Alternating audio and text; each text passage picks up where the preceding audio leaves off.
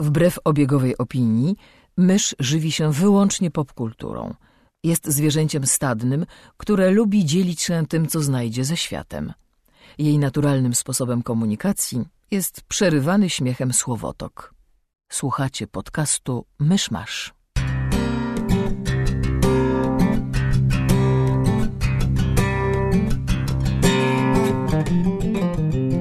Drodzy słuchacze, jest 25 maja 2020 roku, rocznica chwalebnej rewolucji w Ankh-Morpork. Jakże się wznoszą. Zapraszam do 254 odcinka podcastu Myszmasz. Cześć, jestem Krzysiek Seran, a przy mikrofonach w innych częściach miasta siedzi Mysz. Hello! I Kamil Borek. Hello! I zebraliśmy się tutaj, żeby przedyskutować wszystkie najnowsze doniesienia i e, właściwie jest jedno.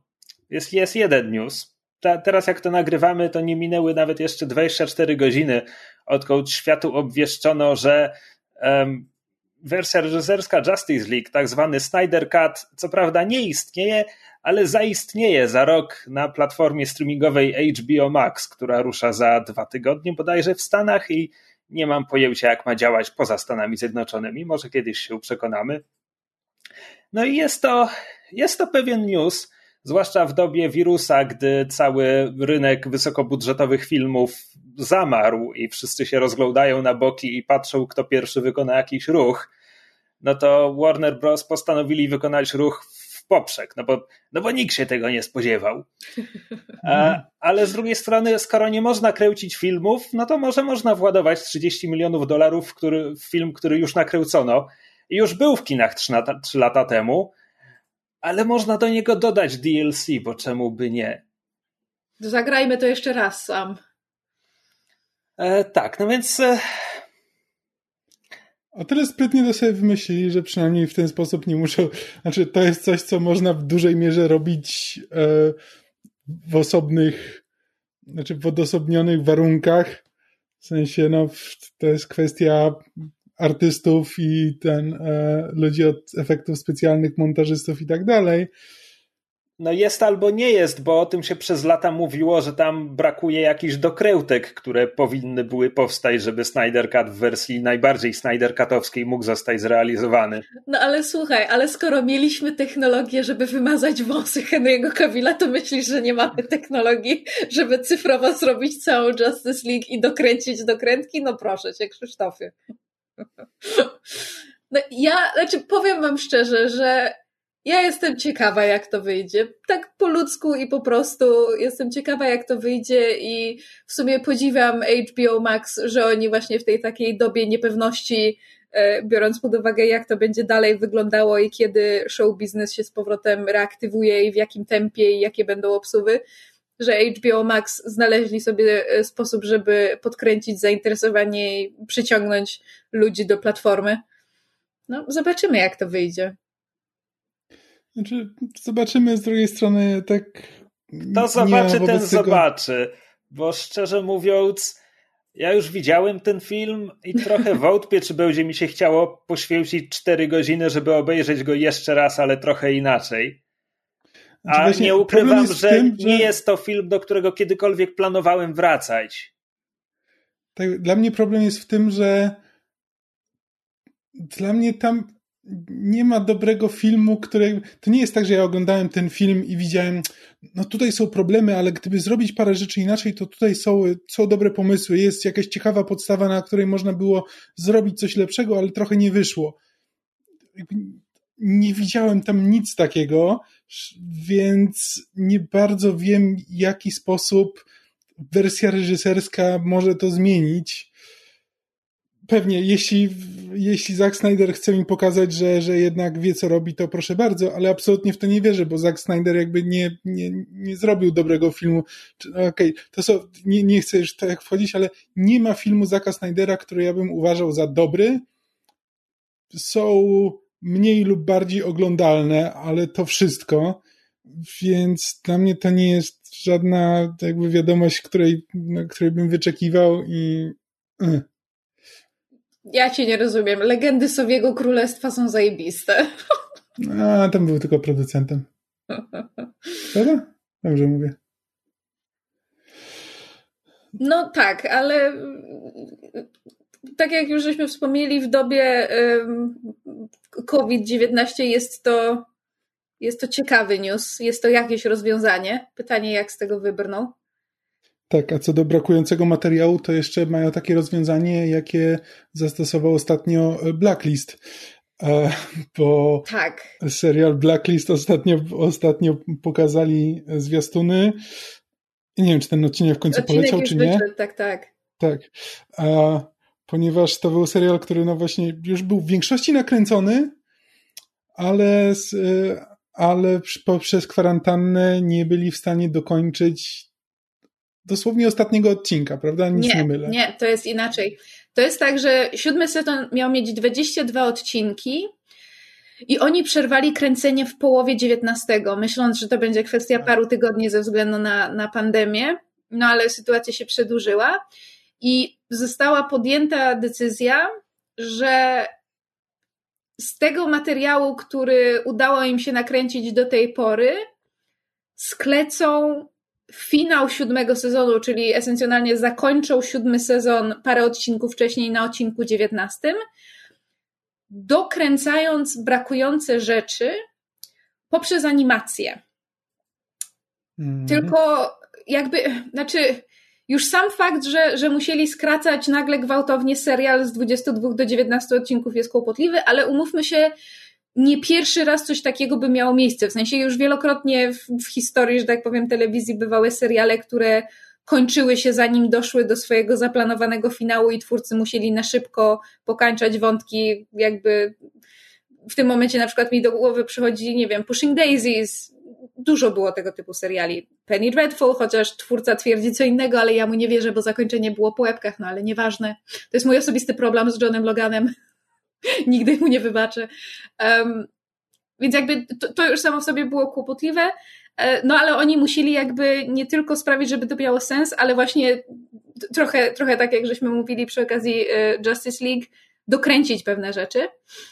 No i decyzja, którą podjęli, była podyktowana okolicznościami, i większość artykułów, które czytałam na temat tego rozwiązania, była w ogóle szalenie pochlebna i to takie to takie odważne i takie dzielne i wszyscy się tak bardzo starali i tak ciężko pracowali i to w ogóle super godne pochwały, że oni to zrobili.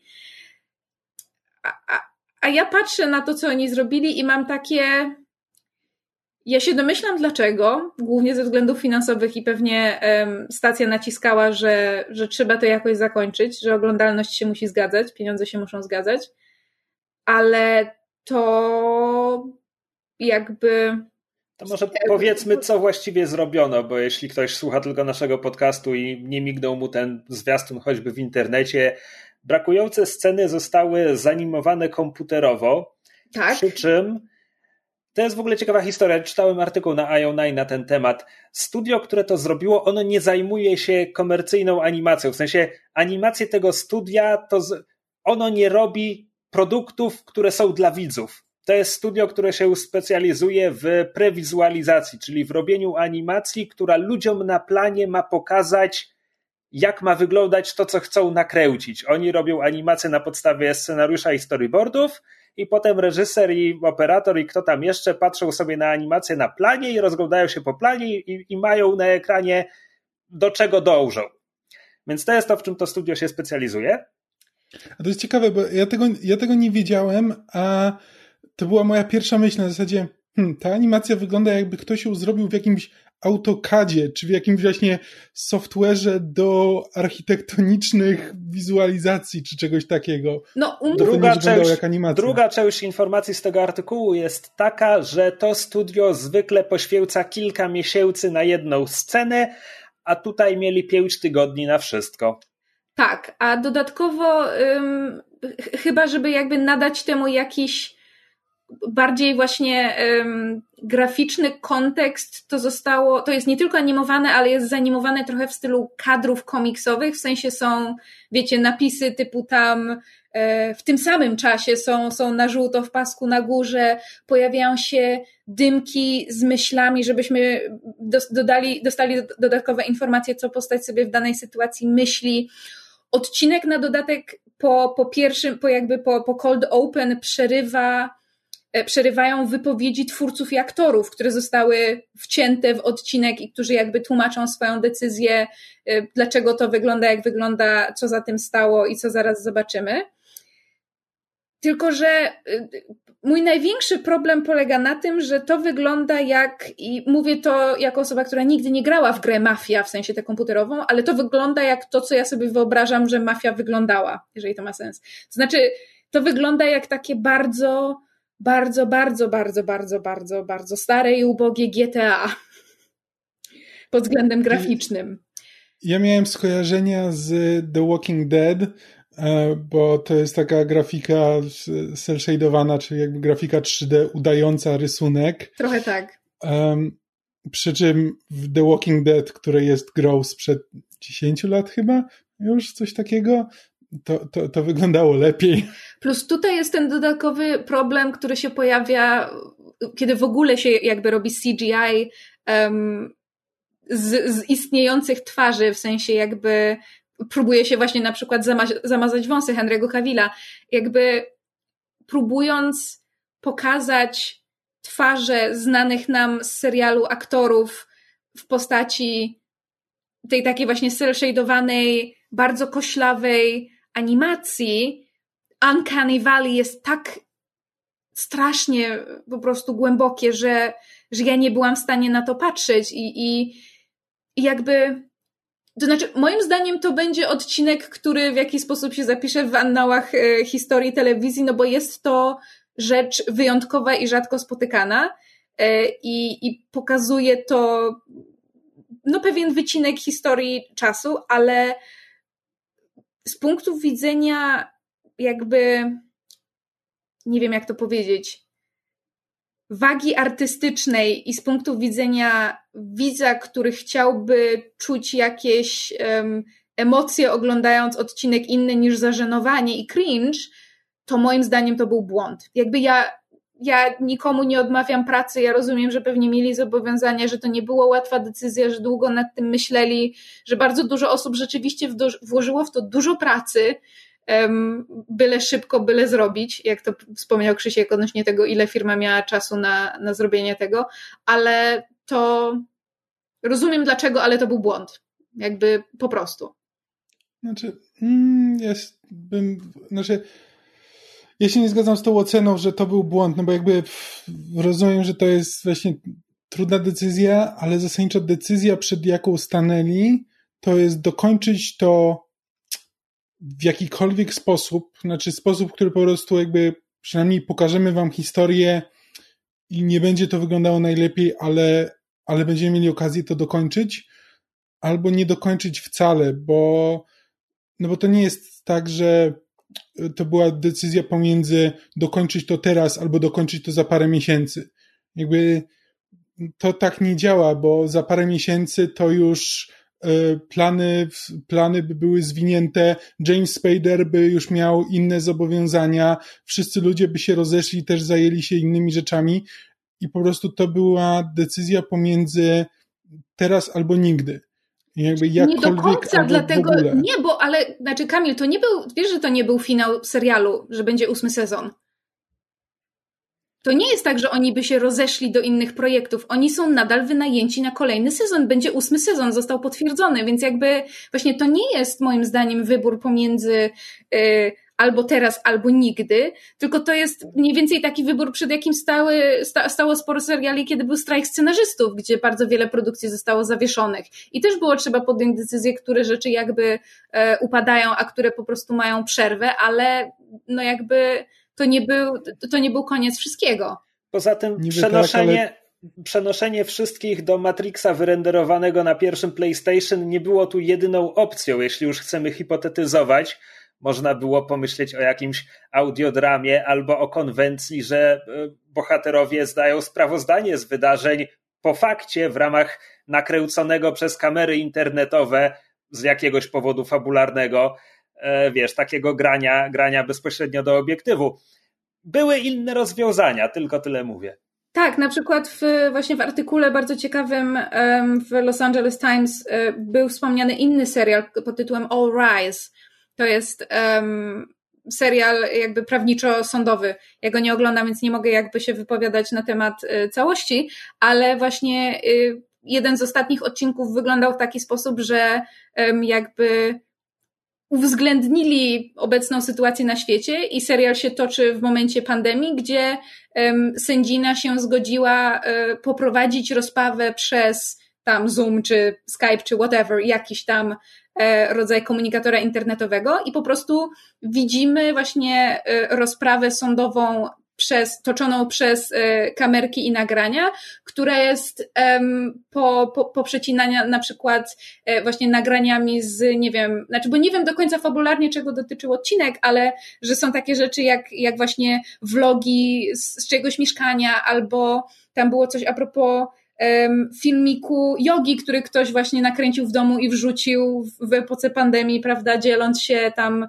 e, tym, co robi ze światem poprzez internet, więc jakby są już jakby miejsca, są już sposoby, w jaki ludzie sobie próbują radzić z, z tym, jak teraz wygląda sytuacja na świecie i jak to będzie wpływało na popkulturę, bo właśnie w tym, w tym artykule Los Angeles Times um, po, postaram się go, żebyśmy go podlinkowali pod, pod odcinkiem, żebyście mogli przeczytać.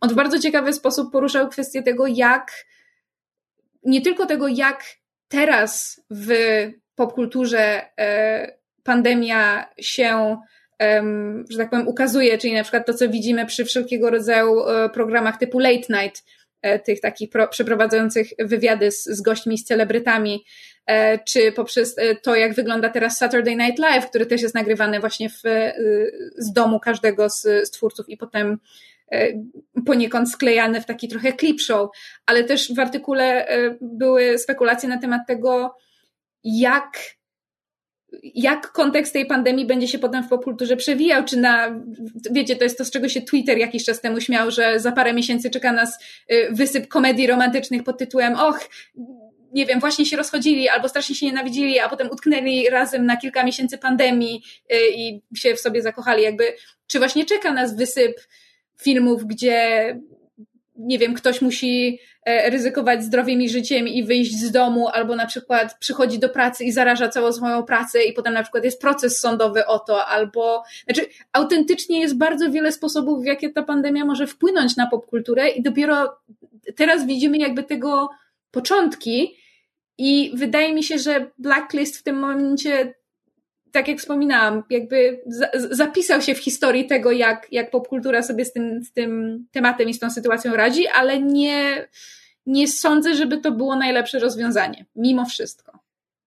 Znaczy, to dla mnie to po prostu nie jest takie proste, bo jakby. Mm... Nie, a to nie jest absolutnie prosta sytuacja. Ja mówię, z, ja mówię z bardzo wygodnego punktu widzenia y, kons, znaczy konsumenta, w sensie jakby widza, osoby, która jest tylko i wyłącznie y, odbiorcą tych treści. Domyślam się, że z, od strony twórców, od strony finansowej, um, oglądalności, studia i wszystkiego, to jest o wiele bardziej skomplikowane. Mi, nawet, nawet nie o to mi chodzi. Znaczy, chodzi mi bardziej o to, że jakby to nie jest tak, że to mieli już jakąś tam część zrobioną i teraz musieli e, coś nowego zrobić, że zakończyć, że jak teraz poprowadzić dalej historię. No jakby już e, zaczęli te historie kręcić, już były, prace trwały, iluś ludzi włożyło w to dużo pracy i serca, żeby, e, żeby stworzyć, żeby stworzyć te historie i musieli znaleźć sposób, żeby, e, żeby tę historię dokończyć i jakoś, jakoś ją opowiedzieć. Najpewniej możemy powiedzieć, że można było zmienić format i opowiedzieć, no ale wtedy, i opowiedzieć, że coś po, po fakcie i tak dalej, no ale wtedy już to jest inna historia. Ale Jeśli zależało im na tym, żeby opowiedzieć coś, coś konkretnego. No tutaj zmienili e... medium, żeby opowiedzieć tę historię.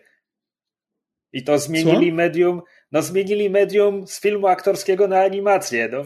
Z elementami no, komiksu na dodatek, więc jakby to nie jest tak, że tak, to było no, ale zupełnie to nadal jest, Znaczy to nadal jest bliżej, jakby wciąż, wciąż mogą opowiedzieć to tymi samymi e, e, e, tymi samymi metodami, co przy filmie jakby aktorskim.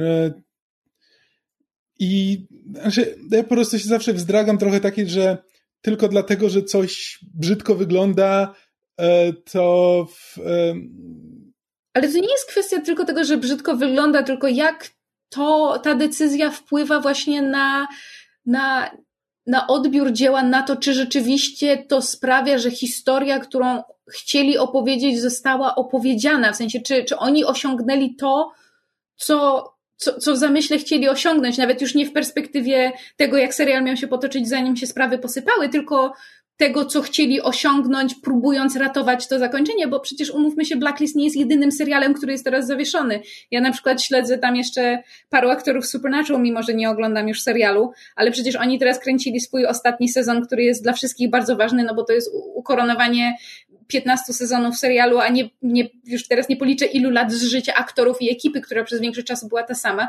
I oni też są teraz zawieszeni i czekają, aż sytuacja się unormuje, żeby mogli do tego wrócić. Wrzucają jakieś tam bloopersy z planu, jakieś dodatkowe materiały, żeby podtrzymać zainteresowanie i żeby czuć, że coś robią, no ale jakby Blacklist nie był jedynym serialem, który, który musiał sobie z sytuacją poradzić i nie wiem, no czas jakby być może rzeczywiście zbyt y, ostro ich, y, ich krytykuję i osądzam. Być może czas pokaże, że, że to było właśnie, że to był ten pierwszy y, ten przebiśnieg, czy tam pierwiosnek, który, skowronek, co zwiastuje wiosnę, nie wiem już co mówię, ale może czas pokaże, że, tak, dziękuję, jaskółka.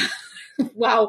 E, może czas pokaże, że, że więcej seriali zacznie tego typu rozwiązania stosować, ale no, no byli pierwsi, znaczy jedni z pierwszych i i, I trochę rozumiem, dlaczego wszystkie artykuły są takie hura optymistyczne i pochwalne, że, że to zrobili, że skończyli, że się odważyli, że wszyscy tak ciężko pracowali, ale no nie wiem, no. Znaczy to jest po prostu kwestia tego, że też się trochę wzdragam właśnie przed zbyt surowym, przed zbyt surową oceną, no bo to nie, nie wygląda mi na decyzję jakąś bezduszną studię na zasadzie, że a, musimy to jakoś skończyć, zróbmy to zróbmy to jakkolwiek na odwal się, czy coś takiego, tylko autentycznie decyzje jakby ludzi, którzy mieli coś do pokazania i po prostu musieli jakiś, znaleźć, znaleźć jakiś sposób, żeby to zrobić bez wywracania wszystkiego do góry nogami. E, I nie wiem, być może, że istnieje jakaś, jakaś wersja tego, że dałoby się to zrobić lepiej właśnie poprzez zupełną zmianę medium albo poprzez zupełne, zupełne wrócenie, ale też wydaje mi się, że jakby ja już Blacklista nie oglądałem od, od dłuższego czasu, ale gdybym znaczy po prostu patrząc na to jako fan różnych innych rzeczy, gdyby było coś takiego, że właśnie coś się, coś się nie skończyło, coś na czym mi bardzo zależy, to takie rozwiązanie naprawdę by mnie usatysfakcjonowało na zasadzie, że okej, okay, rozumiem, że nie mogliście zrobić tego w taki sposób, jaki byście chcieli, ale, ale jestem z wami i przynajmniej pokażcie mi, e, co mieliście w zamyśle. I przynajmniej w ten sposób dokończycie e, to, co, to, to, co zaczęliście. Hmm, ciekawe, bo ja mam wręcz przeciwnie. Też jakby kiedyś Blacklista oglądałam, bardzo lubiłam, potem, potem jakby y, nabrałam zaległości i, i nie miałam czasu ich nadgonić, ale ja mam jakby mówię właśnie z punktu widzenia y, jakby takiego wartości artystycznej i, i takich właśnie półśrodków jakby doceniam, co próbowali zrobić, ale no, no nie, znaczy rozumiem, mówię. Jakby koszty, koszty to, tego ja... były wysokie, no jakby. To, nie jest tak, że ja się nie zgadzam z Twoją oceną. Jeśli to dla Ciebie nie działa, to jakby to absolutnie rozumiem pełne prawo, jakby estetyka jest częścią historii e, i w, Ale nie chodzi tylko o estetykę, chodzi na przykład o to, jak, jak wiesz, o, o, o grę aktorską, o to, że, że tam w no, ogóle nie, nie ma ale o tym właśnie mówię, emocji, jakby są po prostu jakby... pewne rzeczy, których się nie da oddać po prostu w, i jakby rozumiem, że dla jednej osoby to będzie trudniejsze w odbiorze, dla innych, e, dla innych łatwiejsze. Jakby są rzeczy, gdzie po prostu doceniasz, e, doceniasz jakby historię opowiadaną historię, mimo że nie jest opowiadana najlepiej, podczas gdy z drugiej strony masz historię, która jakby sama w sobie jest e, taka sobie, nieszczególna, ale jest opowiadana w, w interesujący, fajny sposób, albo właśnie, albo po prostu wizualnie ciekawy sposób, więc to mi nie chodzi o to, że jakby powiedzieć, że, e, że ty nie masz racji w swojej ocenie tego, że, że to dla ciebie na przykład by nie działało, ale po prostu też y, nie chciałbym, żeby to oceniać na zasadzie, że to był błąd. E, no to po prostu to jest jakby jedna, jedna możliwa decyzja i na przykład z mojej perspektywy nie aż taka zła. Znaczy, ja, ja nie mówię kategorycznie, że to był błąd, hmm. powinni się wstydzić. Ja mówię, że w moim odczuciu sobie tym zaszkodzili. Znaczy, może nie sobie, tylko jakby nie wiem, historii, którą chcieli opowiedzieć i, i no, zrobili co mogli. Jakby tak, przyklaskuje im, że, że, że, że, że się starali się kiepskiej sytuacji zrobić tyle, ile są w stanie. No, efekty są. Efekty każdy musi ocenić na własną rękę. Mhm. Ale muszę powiedzieć, że y, w kontekście właśnie tego, że, że to ma taki komiksowy sznyt, to ostatnia scena, gdzie y, główna bohaterka stoi na dachu y, budynku na tle nocnego nieba i księżyca i, i przez telefon mówi I'm in. Po prostu jest tak bardzo super bohaterskie, że ja autentycznie czekałam, aż gdzieś się pojawi, wiecie, ten sygnał Batmana, bo to było, znaczy oni chyba, nie wiem, czy, czy oryginalnie ten odcinek Yy, czy w ogóle jakby ten, ten finał tego sezonu miał mieć taką scenę zaplanowaną, gdzie ta główna bohaterka stoi na, na, na dachu budynku, czy oni podjęli taką decyzję, jakby idąc za ciosem takiej komiksowo-animowanej konwencji, ale wygląda to absurdalnie w kontekście właśnie jakby tej warstwy teraz estetycznej. No mówię, ten odcinek Blacklista to będzie coś, do czego y, będzie ciekawie wracać po, po jakimś czasie, żeby zobaczyć z perspektywy, jak to, y, jak to wypadło. Na pewno.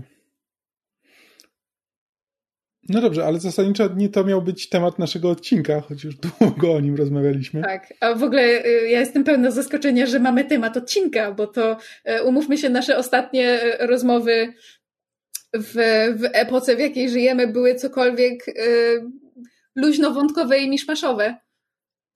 No. Skąd się ta nazwa wzięła? Znaczy, no dobrze, temat, temat odcinka bierze się trochę z konieczności i ta konieczność jest związana z okolicznościami, bo e, ja zdałem sobie sprawę z tego, że chociaż e, konieczność przesiadywania w mieszkaniu i tak dalej nie wpłynęła na moje życie zawodowe, czy nawet, no nieważne, nie wpłynęła na wiele, nie wpłynęła na wiele e, ten, aspektów mojego życia, ale bardzo wpłynęła na moje przyzwyczajenia, jeśli chodzi o poznawanie nowych historii, bo na przykład ja czytam w komunikacji miejskiej. Mm-hmm. Tak jakby od dwóch miesięcy byłem w autobusie raz. E, więc, e, więc dlatego od trzech miesięcy czytam tę samą książkę. Jeszcze nie skończyłem, jakby kto pytał. Jeśli ktoś zaczął czytać, kiedy wspomniałem, co to jest, to pewnie już mnie przegonił. E, Steel Crow Saga Paula Krugera, jakby co. Jest spoko. Jestem w trzech czwartych.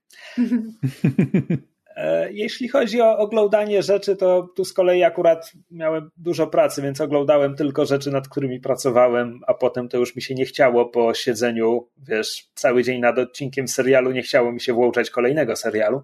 Tak, to niestety jest y, wada, wada naszego zawodu, że praca wpływa na przyjemność.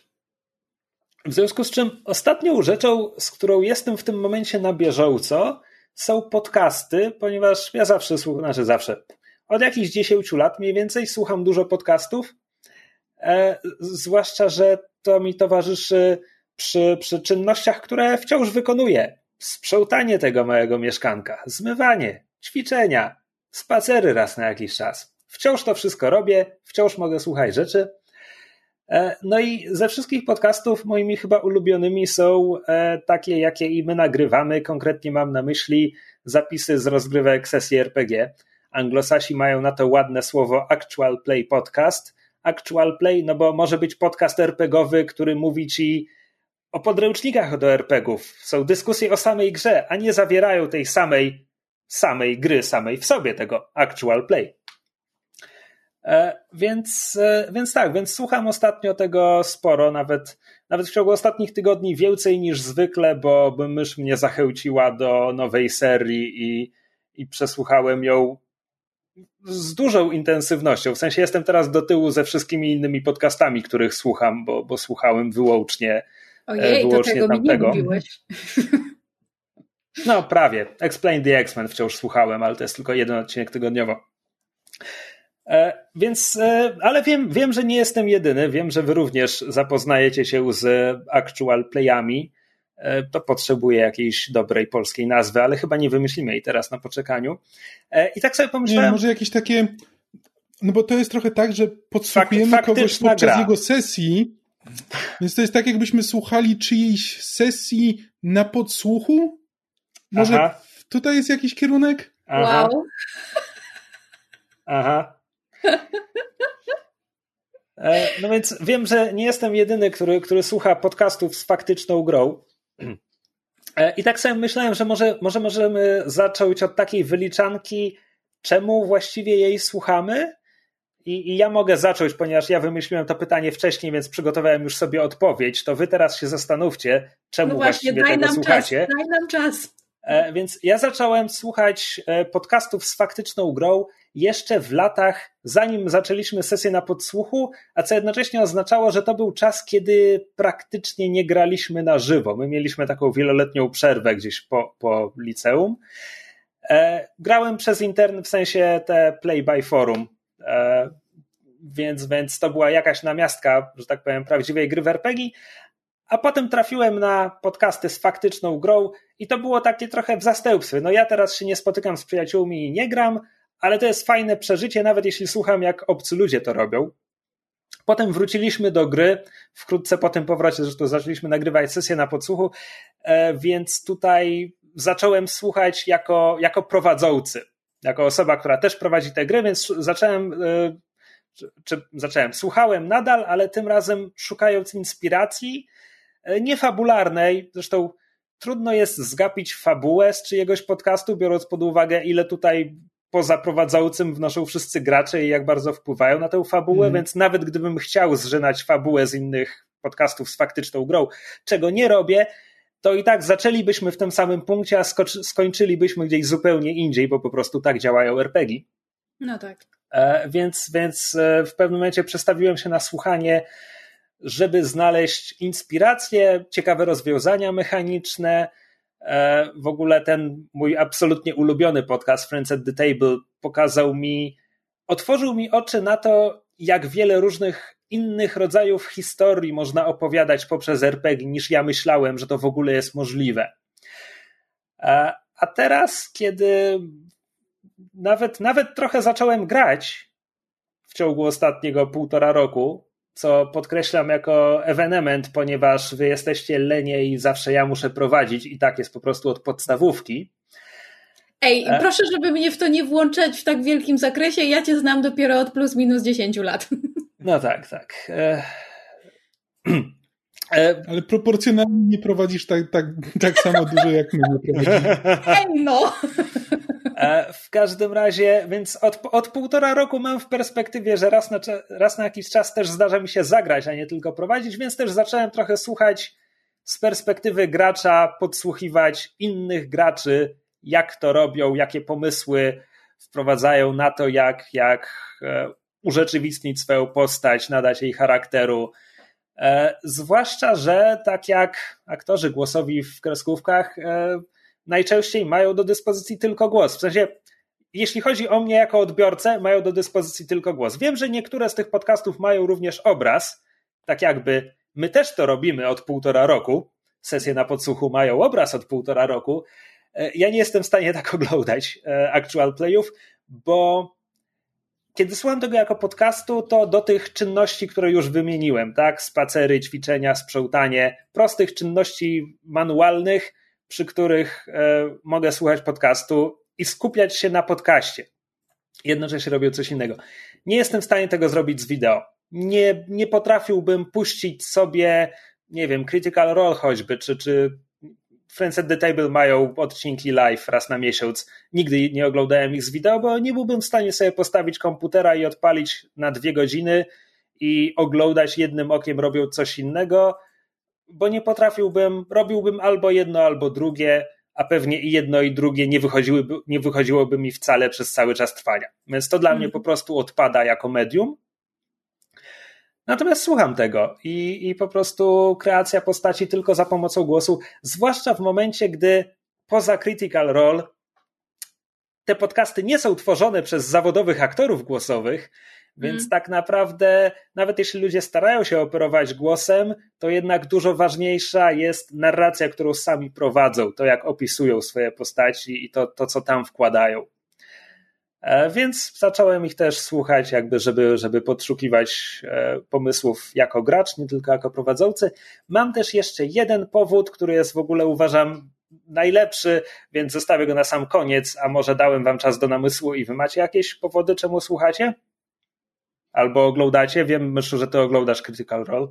Znaczy tak, bo jakby ja, ja mam trochę odwrotną, że tak powiem, podróż czy, czy drogę, którą przybyłam, no bo ja zaczęłam od tego, że parę lat temu zaczęłam oglądać Critical Role, e, które jakby jest, jest e, actual play stream, a nie actual play podcast, bo jakby są i takie, i takie, a niektóre są o, o, o, oboma tymi rzeczami naraz, jak już wspomniał Krzysiek. I jakby ja od pewnego czasu y, istnienia Critical Role było także wypuszczane jako podcast. Teraz od drugiej kampanii, kiedy im się bardzo poprawiła jakość, to, to, to jakby słucha się tego jeszcze lepiej, bo że ogląda to pomijam. E, i, i, I rzeczywiście przy drugiej kampanii wydaje, wydaje mi się, że słuchanie tego pod, jako podcastu miałoby więcej sensu. Natomiast ja sobie nie wyobrażam słuchania Critical Role, bo dla mnie tak duży element przyjemności, którą czerpię z oglądania, mimo że właśnie to są aktorzy głosowi, którzy świetnie głosem operują, ale tak duża przyjemność z oglądania jest związana z obserwowaniem ich min, spojrzeń przy stole, y, mimiki ciała, reakcji i tak dalej, że, że po prostu sobie tego nie wyobrażam. Ale ponieważ zaczęłam oglądać Critical Role i wciągnęłam się w Dungeons and Dragons i, i w ogóle jakby zaczęłam e, nurzać palce w tym, w tym środowisku, więc zaczęły mi też padać w radar inne e, głównie e, streamy, ale też e, podcasty Actual Play i takim, o którym było, e, który ludzie wymieniali jednym tchem z Critical Role na zasadzie, że jeżeli słuchacie Critical Role, to na pewno słuchacie też X. Był podcast The Adventure Zone, który tworzą trzej bracia ich tata, panowie McElroy, których możecie kojarzyć, bo dwóch z nich było redaktorami portalu Polygon. Nawet nie wiem, czy nie byli też jego twórcami. W każdym razie byli, byli przez wiele lat w, w branży jakby growej. E, z kolei ich tata w ich e, rodzinnym stanie był znanym e, DJ-em radiowym i, i oni jakby od dłuższego czasu są osobistościami internetowymi, a w ogóle zaczynali od tego, że nagrywają właśnie trzej bracia McElroy, nagrywają podcast My Brother, My Brother and Me, który jest, jest takim parodystycznym um, podcastem e, jakby udzielającym pomocy i odpowiadającym na pytania, które ludzie za, zadają na Yahoo Answers i to jest po prostu podcast komediowy, gdzie, gdzie chłopaki um, improwizują i, i, i robią, robią podśmiechujki, którego właśnie też ostatnio zaczęłam, zaczęłam słuchać i bardzo, bardzo mi podnosi na duchu. E, ale The Adventure Zone powstało, jak któregoś razu chłopaki um, potrzebowali jakiegoś odcinka Zapchaj dziury, bo jednemu z nich się urodziło dziecko, więc stwierdzili, a dobra, to, to rozegramy jedną sesję w Dungeons and Dragons i to będzie taka Zapchaj dziura. I odzew na to był tak pozytywny, że potem zaczęli rozgrywać kolejne sesje, to się rozrosło w pierwszą kampanię, która dostała potem podtytuł Balance. I potem pojawiły się kolejne kampanie, czy też tak zwane arki. I Krzyśka właśnie namówiłam do przesłuchania drugiego, drugiej takiej pełnej kampanii pod tytułem Amnesty. Teraz w tym momencie toczy się trzecia pod tytułem Graduation. I przyznaję bez bicia, że jak na razie to jest mój jedyny podcast Actual Play, którego słucham regularnie, bo zanim się przez niego przebiłam, nie że, nie że szło mi ciężko, tylko po prostu było dość dużo odcinków, a w międzyczasie robiłam inne rzeczy, to to jakby nie miałam czasu na słuchanie innych rzeczy, mimo że mam bardzo dużo właśnie actual playów zapisanych w mojej aplikacji podcastowej i w tym właśnie Friends at the Table i, i bardzo wiele innych, które kiedyś chciałabym zacząć słuchać. Natomiast ja, ja tutaj bardzo y, się wpisuję w to, co Krzysiek powiedział, mianowicie ja też w komunikacji głównie czytam albo słucham muzyki. Z jakiegoś powodu podcasty mi gorzej wchodzą, jak, jak jeżdżę po mieście. A teraz um, podcasty, w tym actual playe, bo w tym momencie zaczęłam słuchać wszystkich podcastów, które McElroyowie nagrywają, a nagrywają ich mnóstwo, um, to, to słucham właśnie gotując, sprzątając, nie wiem, stawiając pranie, jakby przy, przy pracach domowych, przy, przy, nie wiem, układaniu puzli, kolorowankach, malowaniu paznokci, jakby to, do czego zazwyczaj włączałam sobie gdzieś serial w tle, znaczy może nie do sprzątania czy do gotowania, no ale jakby do, do pewnych takich prostych, manualnych czynności. Kiedyś sobie włączałam serial, a jednak od czasu jak, jak e, naszym zawodem jest niemalże profesjonalne oglądanie seriali po wiele razy, żeby je tłumaczyć, to to właśnie w ramach jakby takiej odtrutki czy odskoczni podcasty się stały bardzo, bardzo dużym tego elementem i nie, że papuguję po Krzyśku, ale w momencie, kiedy właśnie bardzo się wciągnęłam w Critical Role do tego stopnia, że odżyła we mnie pasja do, do RPGów i, i pokochałam Dungeons and Dragons i zaczęłam z wami grać w sesjach i jakby granie w RPG stało się znowu ważnym elementem mojego życia. Znaczy mówię znowu, tak jakby kiedyś były super istotnym, ale no, kiedyś w moim życiu były i potem do tego wróciłam. I, I słuchanie właśnie, czy oglądanie tego typu treści stało się dla mnie właśnie ciekawe jako osoby, która chciałaby e, pośrednio tworzy te historie jako gracz, ale też perspektywicznie myśli o tym, żeby je tworzyć jako mistrzyni gry. I, a poza tym jest coś niesamowitego właśnie w tym, jakie historie potrafią powstawać w podcastach, które na przykład nie mogłyby powstać w, powiedzmy, w, w, takiej komercyjnej e, rozrywce, którą widzimy w telewizji czy w kinie, bo, bo rządzą się innymi zasadami, nie tylko w kwestii na przykład tego, że bardzo często są darmowe albo są fundowane, w sensie są wspierane oddolnie e, przez fanów, przez, nie wiem, e, Patreony czy, czy różnego innego rodzaju zbiórki, ale też właśnie ten element improwizacji i tego, że to jest to takie wspólne opowiadanie historii, sprawia, że bardzo wiele rzeczy, które, które się wydarzają jakby w fabule czy w historii tego typu e, dzieł, są jakby o wiele bardziej się je odczuwa, bo, bo widzisz, kiedy one powstają, jakby widzisz te emocje na bieżąco, kiedy, kiedy one się rozgrywają, i to jest zupełnie inne uczucie też z punktu widzenia odbiorcy, niż kiedy się ogląda treści, które są jasne, fantastycznie napisane i zagrane i wyreżyserowane, ale jakby jest ten dodatkowy element tego takiego poczucia, jakiegoś takiego, po angielsku mi słowo o przychodzi do, do głowy, czyli takiego jakiegoś. Podziwu. Tak, podziwu, że Jezus Maria, oni to zrobili teraz w tej chwili, jakby nikt tego nie znaczy. Pewnie są jakieś tam drobne elementy, które były zaplanowane, ale, ale to powstało w tej chwili i, i, i czasami jak niektóre właśnie rzeczy w historii się potrafią zazębić, albo pewne rzeczy potem wybrzmiewają z, z, punktu widzenia tego, co się wydarzyło wiele odcinków temu, jak pewne rzeczy wracają, jak właśnie ludzie, którzy niekoniecznie są profesjonalny, profesjonalnymi aktorami, czy, czy tutaj robię królicze uszy, twórcami, potrafią stworzyć i odegrać tak niesamowite, tak poruszające postaci i historie. Jest po prostu awe-inspiring. No to mogę tylko powiedzieć po angielsku, że właśnie wzbudza niesamowity podziw i, i taką chęć tworzenia i właśnie fakt, że słuchanie tego typu treści nie tylko daje ci tę taką pożywkę poniekąd biernego odbiorcy treści, czy, czy twórczości, czy, czy sztuki, czy popkultury, ale też sprawia, że myślisz sobie, ej, ja też tak mogę i zaczynasz czuć tę potrzebę tworzenia i, i zaczynasz myśleć właśnie w, w kategoriach tego, jak ja bym to zrobił, a co ja bym stworzył, jakby wyglądała moja postać, a w jakim świecie ja bym chciał to zrobić, to tak niesamowicie otwiera, e, otwiera, że tak powiem, e, mózg i, i, kreatywność, i fakt, że jest w tym też ten element, który przy okazji Critical Role bardzo często wraca, że um, znaczy w, w, rozmowach twórców Critical Role, że jakby ważna rzecz w grach RPG, że on to jest gry RPG dają dorosłym przyzwolenie na zabawę, co jest czymś, o czym jako ludzie dorośli z bardzo dużą ilością obowiązków, im, im jesteśmy starsi, tym bardzo często więcej,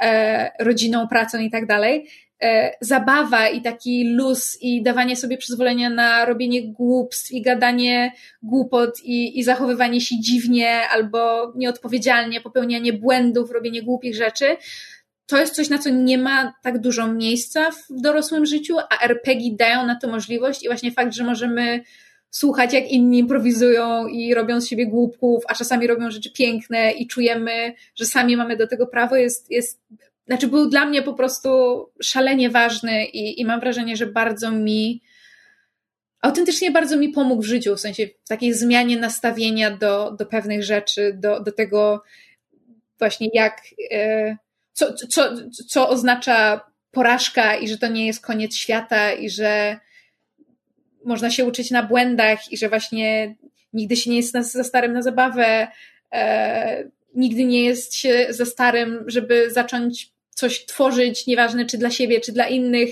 I teraz już pozwolę Kamilowi mówić, bo ja chyba mówię od 20 minut. Ale się rozkręciłam, bo to jest temat, który jest mi bardzo, bardzo bliski i, i właśnie taki bardzo ważny dla mnie emocjonalnie, więc tutaj Krzysiek na, nacisnął mój guziczek. Hmm, powiadasz. Jestem no to Kamil, czemu, czemu, ty, czemu ty tego słuchasz albo oglądasz? E, ja się chciałem po prostu odnieść do tego, co mówiła mysz, że, że jest coś w takim oglądaniu właśnie tej improwizacji. To nie tylko to, że to jest improwizowana historia. Jakby i być może to jest związane trochę z tym, że oglądamy to jako osoby, które już grały w RPG i są z tym zaznajomione, ale znaczy, kiedy oglądamy aktora na ekranie, e, który odgrywa jakieś emocje, no to to może być bardzo przekonujące jakby e, symulakra. Nie jestem pewien, czy używam dobrze tego słowa, ale, e, ale go użyłem, więc tego się trzymam. Naśladownictwo? tak, no bo też nie chcę, właśnie nie chcę powiedzieć, że to jest udawanie jakby emocji, bo jakby aktor bardzo często jakby wzbudza w sobie jakąś tam, jakąś tam emocję i odczuwa, ale to jest taka właśnie, ale właśnie do tego użyłem, użyłem słowa, słowa symulakra, że jakby to jest dosyć, to jest dosyć blisko, to jest, to, jest związane, ale to Słuchaj, jest... podbiję, czekaj, podbiję stawkę, bo jeśli chcesz, możesz też użyć zbitki precesja symulakrów. O kurde, to już, to już mnie zabiłeś. Um, to wciąż nie to będzie są... to, ale możesz użyć tych słów. To są te twoje lata na kulturoznawstwie o, tak. kontra moja politologia. E, tak. E, więc a kiedy, ogląda, kiedy oglądamy kogoś, kto gra w RPG, to jakby wiem z doświadczenia, że to jest często znaczy, że osoba, która je, jakby odgrywa coś w RPG-u, niemal czuje te, te emocje w danej chwili. To Nawet wciąż, nie niemal, może... bardzo często czuje, kropka. No tak, ale to jakby to, to, wciąż jest, to wciąż jest trochę odległe, ale dużo bliższe. E, jakby to zupełnie, to zupełnie zmienia odbiór. Właśnie i to też sprawia, że właśnie oglądając, oglądając te actual playe, e, te historie często dałoby się opowiedzieć sprawniej e, i jakby je, jakby je później spisać na papier, to można by było dużo rzeczy poprawić i, e, i się upewnić, że wracają pewne motywy i tak dalej, i tak dalej. E, ale jednak to jest zupełnie, to jest zupełnie niepotrzebne, bo po prostu one, one i tak się wydają prawdziwsze, kiedy, kiedy właśnie obserwujemy ludzi, którzy, którzy na bieżąco wcielają się, wcielają się w jakąś postać i jakby nie tylko po to, żeby nie tylko po to, żeby opowiedzieć historię, ale właśnie po to, żeby być, być kimś innym przez moment. E, I to się zupełnie, zupełnie inaczej odbiera wtedy. Ja chyba najmniej słucham tak naprawdę z Was. E, zanim, zanim do tego przejdziemy, e, jeśli mógłbym jeszcze, bo oboje, oboje powiedzieliście rzeczy, które są bardzo podobne do mojego ostatniego argumentu, czemu tak bardzo lubię to medium właściwie, ten, ten rodzaj, ten sposób opowiadania historii, ponieważ e, książka, jak ją masz w rękach, to autor najprawdopodobniej przepisał ją pięć razy albo piętnaście, zwłaszcza kiedy redaktor się do tego przyczepił. Film to w ogóle tam 500 osób nad tym pracowało przez trzy lata. I mhm. actual playe są jedynym medium, które przychodzi mi na myśl, może poza jakimś bardzo eksperymentalnym teatrem, w którym widzisz w czasie rzeczywistym inspirację i widzisz ten moment, w którym powstaje kolejny kawałek historii na mm. bieżąco. Mm -hmm. Jakby żadne inne medium tego nie ma. No musiałbyś, musiałbyś zamknąć sobie Stephena Kinga w piwnicy i on by ci opowiadał swoją nową książkę, której jeszcze nie napisał. Stephen byłoby... King już napisał tę książkę. No tak, tak, tak. No, na tym polegał dowcip. E, know. E, I, I dopiero coś takiego byłoby najbliższe temu obcowaniu z taką, wiesz, świeżą, skumulowaną energią twórczą, jaka występuje w actual playach. Znaczy, zgadzam się pod względem jakby elementu snucia historii, w sensie jakby w momencie, kiedy w kulturze powiedzmy światowej zaginął element bajarzy i przekazywania ustnie historii i tego, jak one się zmieniają, to mam wrażenie, um, właśnie odeszliśmy od, od tego typu historii. Natomiast e, ponieważ e, zanim to wszystko się zaczęło, e, mówię o pandemii, a nie o słuchaniu actual playów, e, to, to zaczęłam e, chodzić na zajęcia z tańca, który ma bardzo dużo, że tak powiem, e, elementów z, z tańcami orientalnymi. Dowiedziałam się o istnieniu takiego tańca, gdzie tancerki, nie ma ustalonych choreografii, tancerki znają pewne figury, pewne ruchy, które mają przypisane pewne jakby sygnały właśnie w postaci, nie wiem, ruchu ręką czy, czy, czy ciała. I tancerki tańczą w taki sposób, że jedna z nich robi jakiś ruch i sygnalizuje, jaki będzie następny, i pozostałe za nią podążają, a potem kolejna pokazuje, jaki będzie następny ruch, i, i reszta za nią podąża. I to jest takie improwizowane na, na bieżąco, na poczekaniu układ taneczny, i one równie tańczą w równym stopniu dla siebie nawzajem, żeby wspólnie stworzyć taniec, jak i dla publiczności. I to jest jedyna właśnie taka rzecz, która mi przychodzi do głowy w podobnym kontekście, no ale jakby to jest, znaczy w tym kontekście na bieżąco powsta powstającej sztuki, ale nie historii, no bo to jednak jest inne medium. Mhm. Znaczy, to, tobie się to skojarzyło z tańcem, mnie z kolei się kojarzy z e, improwizowaną komedią mhm. e, w stylu Whose Line Is It Anyway i tak dalej gdzie też jakby właśnie to nie jest przyjemnością, nie jest nawet sama komedia, bo właśnie znowu, gdyby chcieć to e, jakby to wziąć i rozpisać, to dałoby się dałoby się sprawić, żeby to było e, ściślejsze i, i zabawniejsze i tak dalej, ale właśnie widzisz ten moment inspiracji widzisz ten moment, kiedy ktoś wpada na pomysł, kiedy e, jest w stanie powiedzieć coś i widzisz od razu, jak inni na to reagują, kiedy się tego zupełnie nie spodziewali e, i jak reagują potem na to i po prostu te, ta interakcja jest ciekawsza niż e, to, co się tworzy tak naprawdę, znaczy momentami. Co mhm. jakby samo, samo to, co samo to, co powstaje, też potrafi być bardzo ciekawe, ale właśnie to obserwowanie tych interakcji i tego, jak to powstaje, to jest to sedno sprawy. Tak, i, i być może zabrzmi to górnolotnie, ale nie, nie boję się określić tego słowem magia, to znaczy te momenty, kiedy to się dzieje, potrafią być autentycznie magiczne w pewnym, w pewnym, znaczy pod wieloma, pod wieloma względami.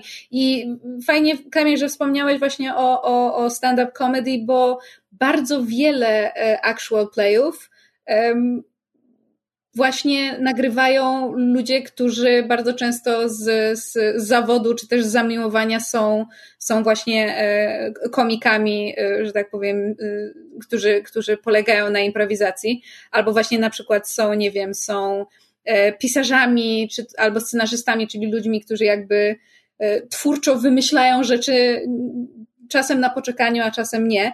E, między innymi właśnie mm, The Adventure Zone i, i bracia McElroy mieli początki w improwizowanej komedii, potem, potem jakby rozwinęli skrzydła w, w actual playu. I, I, to jest po prostu, znaczy to się, to się tak fascynująco obserwuje, jakby ja absolutnie się zgadzam, że, że to nie jest dla każdego, w sensie jakby wiem, że są ludzie, którzy na przykład tak jak Krzysiek e, wolą słuchać niż oglądać, są tacy jak ja, którzy jeżeli tylko mogą, to woleliby, woleli oglądać. Bardzo na przykład żałuję, że The Adventure Zone nie jest, nie jest nagrywany i wiele bym dała, żeby zobaczyć kiedyś chłopaków na żywo e, podczas nagrania The Adventure Zone, ale tak jak tak jak przy tym wszystkim rozumiem, że są ludzie, których to zupełnie nie jara i zupełnie nie kręci i to nie jest ich bajka, to mam mam gdzieś takie pod skórą takie wrażenie, że, że, gdyby, że gdyby posadzić taką osobę i, i pokazać jej właśnie taki, mieć jakiś taki, wiecie, taki, taki e, showreel, taki, taki klip po prostu jakiegoś właśnie takiego actual playa, który można by puścić, gdzie nawet laik wyczuje tę magię, to, to można by tyle ludzi uszczęśliwić. W sensie jakby otworzyć ich oczy na, na zupełnie nową gałąź popkultury i twórczości, która, która mogłaby im dać strasznie dużo radości. I dlatego mnie tak strasznie cieszy, jak, jak dostajemy sygnały od słuchaczy, że, że nigdy wcześniej albo nie grali w RPG, albo nie słuchali, albo nie oglądali actual playa i, i na przykład zaczęli dzięki sesjom i, i to się rozwinęło w, że tak powiem, w zainteresowanie innymi tego typu treściami, bo, bo po prostu wiem, ile ja i my z tego mamy radości i, i myślę o tym, że inni też mogliby, mogliby odkryć te, te dziedzinę, e, tę te, te przyjemność dla siebie jest dla mnie bardzo taka e, miła i ciepło mi robi na serduszku. No dobrze, ale ja się wbiłem przed Kamila, który zaczynał mówić, że pewnie e,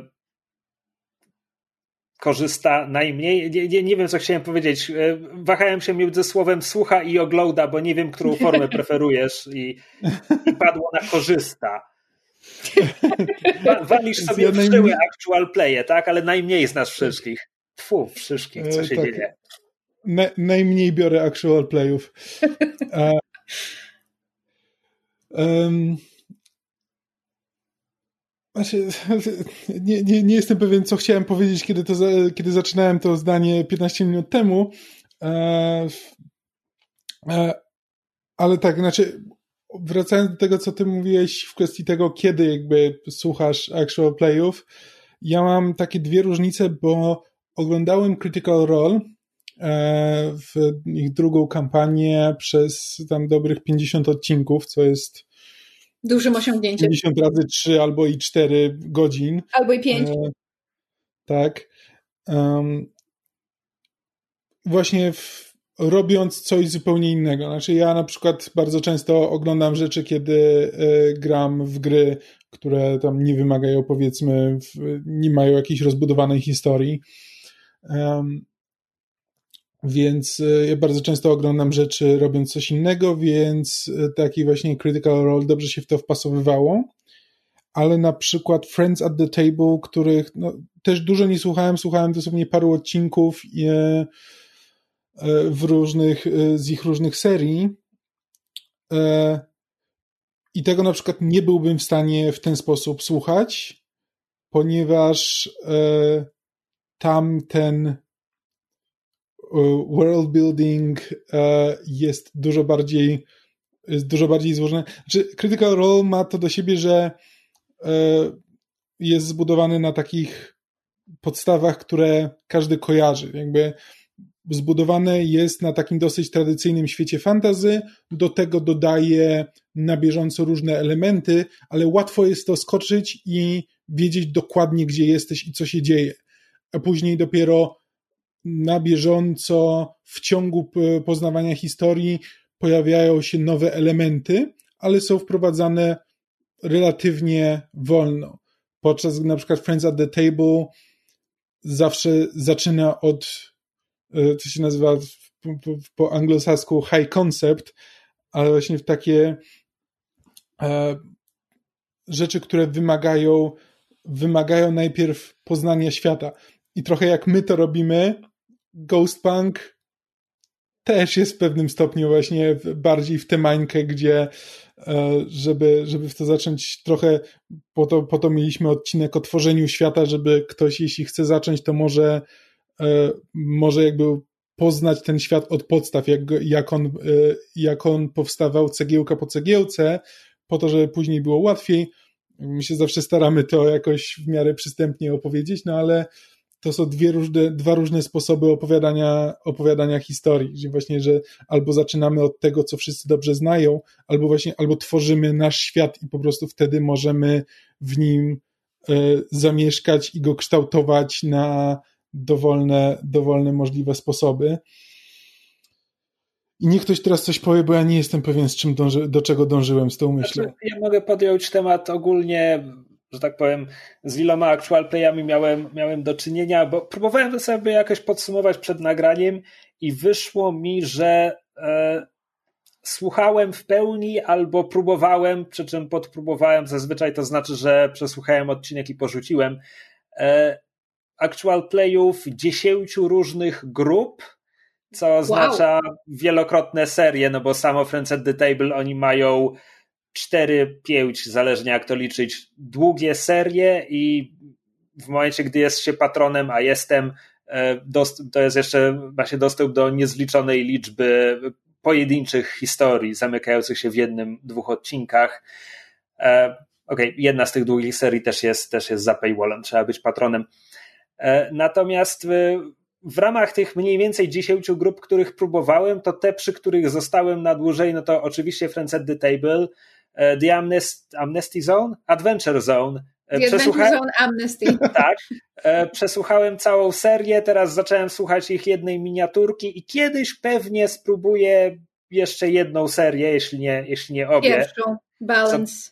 Co, nie wiem, a może zacznę od Graduation, nie mów mi, co mam robić. Krzysztofie? I poza, I poza tymi dwoma, trzecia to jest, to jest podcast e, Monster Manual. Wspominałem o nim zaledwie parę miesięcy temu, bo to świeże odkrycie. Oni mają na razie tylko jedną serię, e, którą przesłuchałem w całości i to są jakby to są te trzy grupy, gdzie mogę powiedzieć, że przesłuchałem w całości co najmniej jedną pełną ich serię, a te pozostałe siedem, no to albo dosłownie, że mieli jedną przygodę w kilku odcinkach, no to okej, okay, miniaturka, albo takie, gdzie próbowałem się wciągnąć, ale, ale nie potrafiłem, jakby albo nie byli ciekawi, albo wręcz mnie czymś odrzucali. E, próbowałem słuchać podcastu Critical Role, przesłuchałem odcinek, nie wciągnąłem się. E, więc e, teraz na przykład, zanim zacząłem słuchać The Adventure Zone, e, zadeklarowałem myszy, że jakby skończyłem Monster Manual, teraz sobie czegoś szukam, zrobiłem research w internecie, co nie jest łatwe, bo jak wygooglasz, wiesz, najlepsze podcasty, actual play i tak dalej, to dostajesz 10 list po 50 pozycji i masz takie, no fajnie, no Okej, okay, to, co, to, to teraz każda z nich to inwestycja rzędu 200 godzin. Co teraz mam zrobić z tą informacją? Dzięki. Tak, to jest niestety wada actual playu, że bardzo, znaczy właśnie e, nie wszystkie e, actual playe mają taką konstrukcję jak Friends at the Table, gdzie oni mają sporo tych jakby w miarę oddzielnych historii i są różne momenty, gdzie można wskoczyć. Jest sporo actual playów, które tak jak Critical Role mają ciągłą historię przez 100 albo i więcej odcinków, no i wtedy jakby to jednak e, oglądanie lub słuchanie actual playa to jest e, duże zobowiązanie. Tak, więc ja ogólnie e, mam wrażenie, że coraz bardziej skłaniam się ku tezie, że porządna historia to jednak powinna mieć koniec, co pewnie jest zabawne, kiedy mówię to jako czytelnik komiksów Marvela. E, trochę, można... trochę. Tak? E, Ironia to... gdzieś dzwoni. Halo? E, tak, tak, tak. No w każdym razie, więc tak, więc eksperymentowałem mniej więcej z dziesięcioma grupami, z czego, z czego trzy. Aha. Phrasing. Z czego z trzema zostałem na dłużej albo na stałe. E, I co? Chyba, chyba chciałbym powiedzieć konkretnie o kilku tytułach, jeśli, jeśli mi pozwolicie. Nie. Znaczy, nie? ja bardzo chętnie posłucham, bo, bo właśnie mam, mam y, zamiary też rozszerzyć swój repertuar, a wiem, że słuchałeś więcej ode mnie. Myślę, że to też jest moment, gdzie nasi słuchacze mogliby usłyszeć o paru tytułach, których być może nie znają. To znaczy tak, tak naprawdę rzeczy, których próbowałem zanim odkryłem Friends at the Table, nie pamiętam niczego, co warto byłoby wspomnieć. Jakby Uf. Nie, niektóre, z nich, niektóre z nich na przykład e, były tworzone przez ludzi, których lubię, bo pamiętam, że słuchałem Actual Playa, w którym grał Paul Dean, dawniej z Shut Up and Sit Down, ale on był tam graczem, który był spoko, natomiast reszta mnie nie przekonała i prowadzący mnie nie przekonał, więc porzuciłem to po paru odcinkach. Więc jakby odbijałem się szukając różnych rzeczy. Chciałbym móc sobie przypomnieć, jak trafiłem na Friends at the Table, bo w tym momencie nie mam pojęcia, jak to zrobiłem, więc nie wiem, komu być wdzięcznym. Losowi, przypadkowi, czy może jednak trafiłem na jakąś polecankę w internecie. Bo tak jak mówiłem, oni otworzyli mi oczy na to, jakie jeszcze historie mogą opowiadać RPG. Bo oczywiście RPG mogą opowiadać historię o grupie bohaterów, która ratuje świat, albo kawałek świata, albo która wchodzi do lochów mordować potwory za pieniądze, albo która spiskuje przeciwko innym intrygantom, żeby walczyć o władzę, jeśli ktoś gra w wampira. Jasne. Natomiast Friends at the Table potrafią opowiadać historie o społeczeństwach, o świecie, o konflikcie na poziomie głębszym niż kto kogo pokona na miecze. E, ich najbardziej ambitna seria, nie mówię, że to jest moja ulubiona, ale ich najbardziej ambitna seria to jest akurat ta, którą chowają za paywallem. Nazywa się Bluff City i to jest seria, jeśli miałbym ją nazwać jakoś ogólnie, to jest to realizm magiczny opowiadający historię fikcyjnej wersji Atlantic City, tylko jednocześnie to jest antologia gdzie każda przygoda jest rozgrywana w innym systemie, z inną grupą postaci, a często również w innym okresie historii miasta, od lat 70. po, po teraźniejszość. I w bardzo różnych konwencjach. Ich pierwsza historia to jest historia gangsterska, przestępcza, o skoku, który idzie nie tak jak powinien.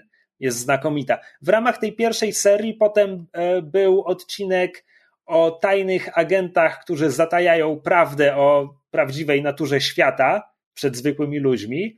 Był odcinek o młodocianych superbohaterach. E, NPC-em, który pojawił się już więcej niż raz, jest koncepcja postaci, to cytuję, co gdyby Blade przestał łowić wampiry i założył kasyno. W związku z czym wampiry okay. też gdzieś tam są jakby, że tak powiem, w, w płynnym loże tego świata a jednocześnie jakby pomimo tego, w jakie fantastyczne kierunki ta seria potrafi skręcić, no to za każdym razem jakby to oko kamery jest przy tych zwykłych ludziach z poziomu ulicy i to jest historia tego miasta, naprawdę, po prostu opowiedziana z kilkunastu różnych perspektyw. Przy czym to nie jest moja ulubiona seria, no bo jednak w momencie, gdy to jest antologia i co chwila zmieniamy postaci i tak dalej, to ani nie da się przywiązać do tych postaci, tak jak przy długiej kampanii, ani nie obserwujesz, jak te postaci się zmieniają w trakcie długiej kampanii, zwłaszcza jeśli to jest dobra kampania. Więc jeśli o długie kampanie chodzi, najdłuższa Friends at the Table nazywa się Seasons of Hyron, czyli pory roku Hyron. Hyron to nazwa krainy, w której grają. E, I oni w to grali tak, że robili jeden sezon Hyron, jeden sezon czegoś innego, jeden sezon Hyron. W związku z czym Hyron to są w sumie trzy sezony, nie wiem, 150 odcinków, może trochę nie, mniej, strasznie dużo. To jest seria, w której na pewno postaci najbardziej ewoluowały i na pewno moja opinia o graczach ewoluowała najbardziej. Również dlatego, że pierwsza seria to jest ich pierwsza seria w ogóle, więc na początku to nawet nie mają dobrego dźwięku, nie mówiąc o tym, że sami też jeszcze nie byli do końca rozegrani i Austin jeszcze szukał, Austin, czyli Austin Walker, prowadzący Friends at the Table, jeszcze szukał tego, co tak naprawdę chce tam zrobić i opowiedzieć w tej historii. E, mój ulubiony moment, ten, ten moment inspiracji, który widzisz w czasie rzeczywistym, kiedy się wydarza, to jest e, gdzieś jeszcze blisko początku pierwszego sezonu, kiedy bohaterowie płyną okrętem i na horyzoncie pojawia się statek piratów. Jeden z graczy dopytuje, nie mam pojęcia z jakiego powodu, czy czemu przyszło mu to na myśl, ale pyta, Austin, are these, are these pirates ghosts? Czy ci piraci to duchy? Na co Austin odpowiada, nie, czemu... Czekaj. Tak, tak, tak to duchy. Po czym ta jedna decyzja wpływa na całą historię potem. E, więc, więc tak, to są, to są ich serie. E, moją ulubioną jest, jest ich seria science fiction. E, o mechach? Nie tylko kosmos, kosmiczne imperia, różne rzeczy. Technicznie rzecz biorąc, to są trzy sezony, które rozgrywają się w jednym uniwersum, ale pomiędzy każdą serią mijają tysiące lat, więc w każdej można słuchać osobno. E, z tych trzech nie potrafię wskazać mojej ulubionej. Pierwsza nazywa się Counterweight, jest świetna. Druga nazywa się Twilight Mirage. Potrzebowałem dłuższej chwili, żeby się do niej przekonać, ale jak już się do niej przekonałem, jest świetna. Trzecia to jest, to jest to, co robią obecnie, nazywa się Partizan i z ich długich serii ma prawdopodobnie najlepszy start. To znaczy, to jest pierwsza, gdzie naprawdę od pierwszych przygód tam wszystko działa tak, jak powinno. Tam od początku czuć te postaci i czuć pomysły na nie, jakby ze wszystkich początków kampanii e, Partizan jest najlepszy, więc jeśli dalej będzie jakby będzie robił się coraz lepszy, tak jak wszystkie inne sezony, no to ja nie wiem, nie wiem czego się spodziewać, ale jest naprawdę super. Więc na początek, jeśli chcecie kampanię Friends at the Table, prawdopodobnie polecałbym po prostu Partizan, bo w tym momencie jest tego zaledwie dwadzieścia kilka odcinków, więc można łatwo nadrobić. Natomiast jeśli chcecie spróbować Friends at the Table w ogóle, ale nie jesteście w nastroju, żeby sięgać po 60-godzinną kampanię, rozumiem was, też tak często mam, Friends at the Table ma dużo jednostrzałów, e, za darmo dają dostęp do niewielu z nich. Na szczęście za darmo wypuścili Fall of Magic, Upadek Magii. To jest trzyodcinkowa historia, w której grają w grę pod tym samym tytułem. To jest gra kooperacyjna bez prowadzącego. Po prostu gra zapewnia sugestie, które gracze po kolei potem rozwijają w sceny i tam są zasady o tym, kto decyduje o wyniku danej sceny i tak dalej. I to jest coś pięknego. To jest po prostu baśń o grupce postaci, która towarzyszy potężnej magini, która podróżuje, żeby odkryć, czemu magia odchodzi ze świata i być może coś z tym zrobić. Ale historia jest o tych dość prostych osobach, które jej towarzyszą i o tym, jak ta podróż je zmienia. I jest naprawdę piękna. Jeśli mam wskazać jakby coś, co jak w pigułce pokazuje najlepsze cechy Friends at the Table, to jest to Fall of Magic. To wciąż jest inwestycja rzędu 8-10 godzin, ale w porównaniu z innymi to miniaturka. I ostatnia rzecz, którą polecę, to jest ten Monster Manual, e, ponieważ Zacząłem tego słuchać i myślałem, że odpadnę, bo to się zaczyna jako taka prosta, wygrzewowa historia o grupce bohaterów, znaczy bohaterów, tajemników, którzy towarzyszą wyprawie naukowej do serca dżungli. Na początku jest powiedziane, że to jest inspirowane horrorami, więc proszę się spodziewać dużej liczby trupów, tylko że zaczyna się, zaczyna się jeszcze zanim tak naprawdę zacznie się podróż do serca dżungli i ten początek jest trochę nudnawy. Gracze są zabawni, więc to jest plus, natomiast fabularnie nie jest to szczególnie ciekawe. Od początku była też mowa, że ten mistrz gry stawia na mechanikę, że to jest, to jest historia, w której będzie dużo walk. Ten mistrz gry lubi walki, lubi mechanikę, więc jakby będzie prowadził tak, żeby zrobić z tego użytek.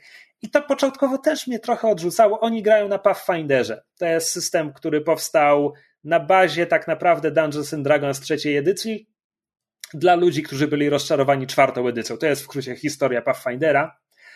E, potem wyewoluował trochę i jeszcze, jak się okazuje, ten prowadzący go zmodyfikował na własne potrzeby.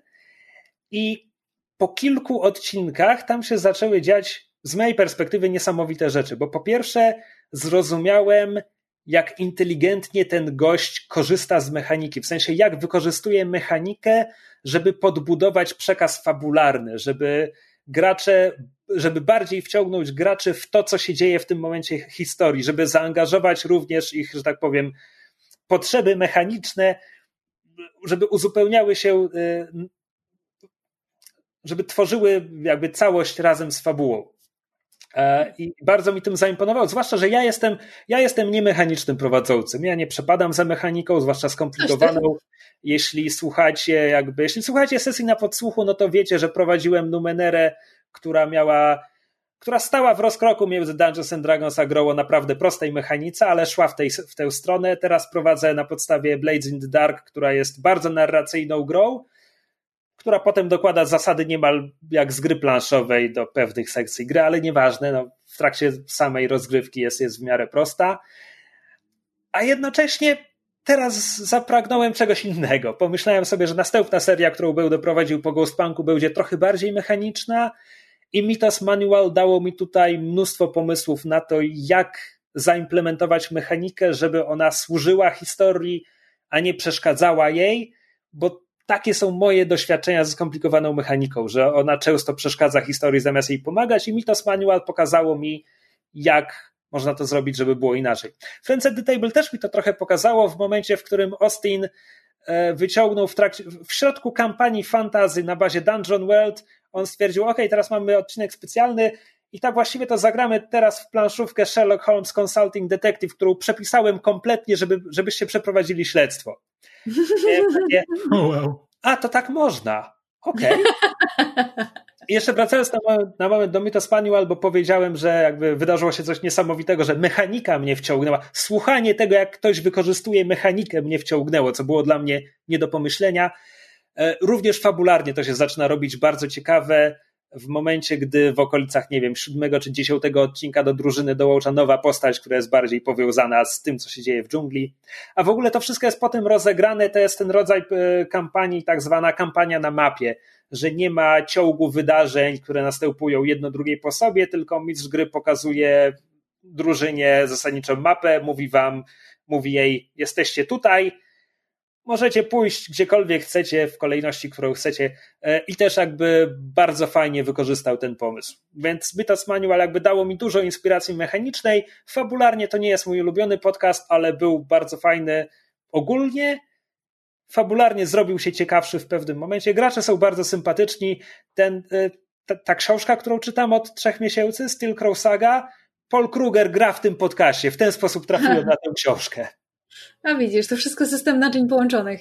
Tak, a w ogóle na, na Mythos Manual trafiłem przez Amal El Motar, która napisała This is how you lose the timer. Jakby ja ostatnio, nie wiem, to, to jest jakaś tablica powiązań i czerwona nitka i jakoś ostatnie moje miesiące gdzieś tam się zagubiłem.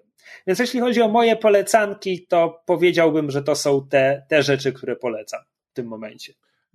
Ja tylko się chciałem odnieść do tego, że właśnie mówisz, że poznałeś podcasty te actual playowe poprzez e, e, autorów, których czytasz w tym momencie. I właśnie e, tak jak wcześniej, wcześniej rozmawialiśmy, to miałem taką myśl, właśnie, że to jest coś, co chyba actual playe przyciągają dużo bardziej ludzi, którzy są zainteresowani właśnie konstrukcją historii bardziej niż samą historią. E, nie wiem, czy, nie wiem, czy to jest słuszne, słuszne wrażenie, ale właśnie, ale to jest to, co, to jest to, co mówiliśmy o improwizacji, o tym, o, o tym momencie inspiracji, że właśnie jeśli jesteś ciekaw, skąd się biorą historie, to właśnie tego typu wspólne opowiadanie jest właśnie dobrą, dobrym takim ćwiczeniem tego. I właśnie też samo słuchanie, jak ktoś inny to tworzy, otwiera ci klapki w mózgu na to właśnie, jak działają historie, co właściwie jest w nich y, interesujące, nawet jeśli one nie są nie są dopracowane, nie, właśnie nie widzisz tego końcowego efektu przepisywania po 10 razy, tylko widzisz ten cały proces, który jest niedoskonały i natychmiast zaczynasz myśleć, co ty byś zrobił inaczej, i jakby to można było zadziałać, co ty byś zrobił w tej sytuacji, e, co sprawia, że zaczynasz myśleć po prostu o tym, jak się konstruuje historię,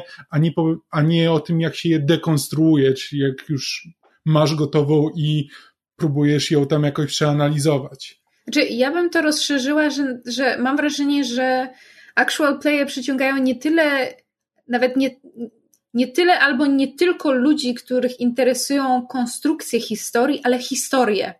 Jakby, no bo jakby popkulturę, czy, czy, czy, czy, czy sztukę, czy literaturę, filmy i seriale, nieważne, można pochłaniać z wielu różnych powodów, jakby dla, dla relaksu, dla przyjemności, dla emocjonalnego katarsis i tak dalej, ale jakby są, są, takie, są takie osoby, mam wrażenie, które jeżeli historia jest dobra, albo w jakiś sposób właśnie wciągające, czy ma jakiś taki element, który, który nas chwyci, to właśnie są w stanie przymknąć oko na, na właśnie, wiesz, yy, rzeczy, które tam w praniu wyjdą tak trochę nie bardzo, albo że na przykład wizualnie jest średnio, albo że właśnie jakość dźwięku trochę siada i trzeba wytrzymać jakieś tam szumy.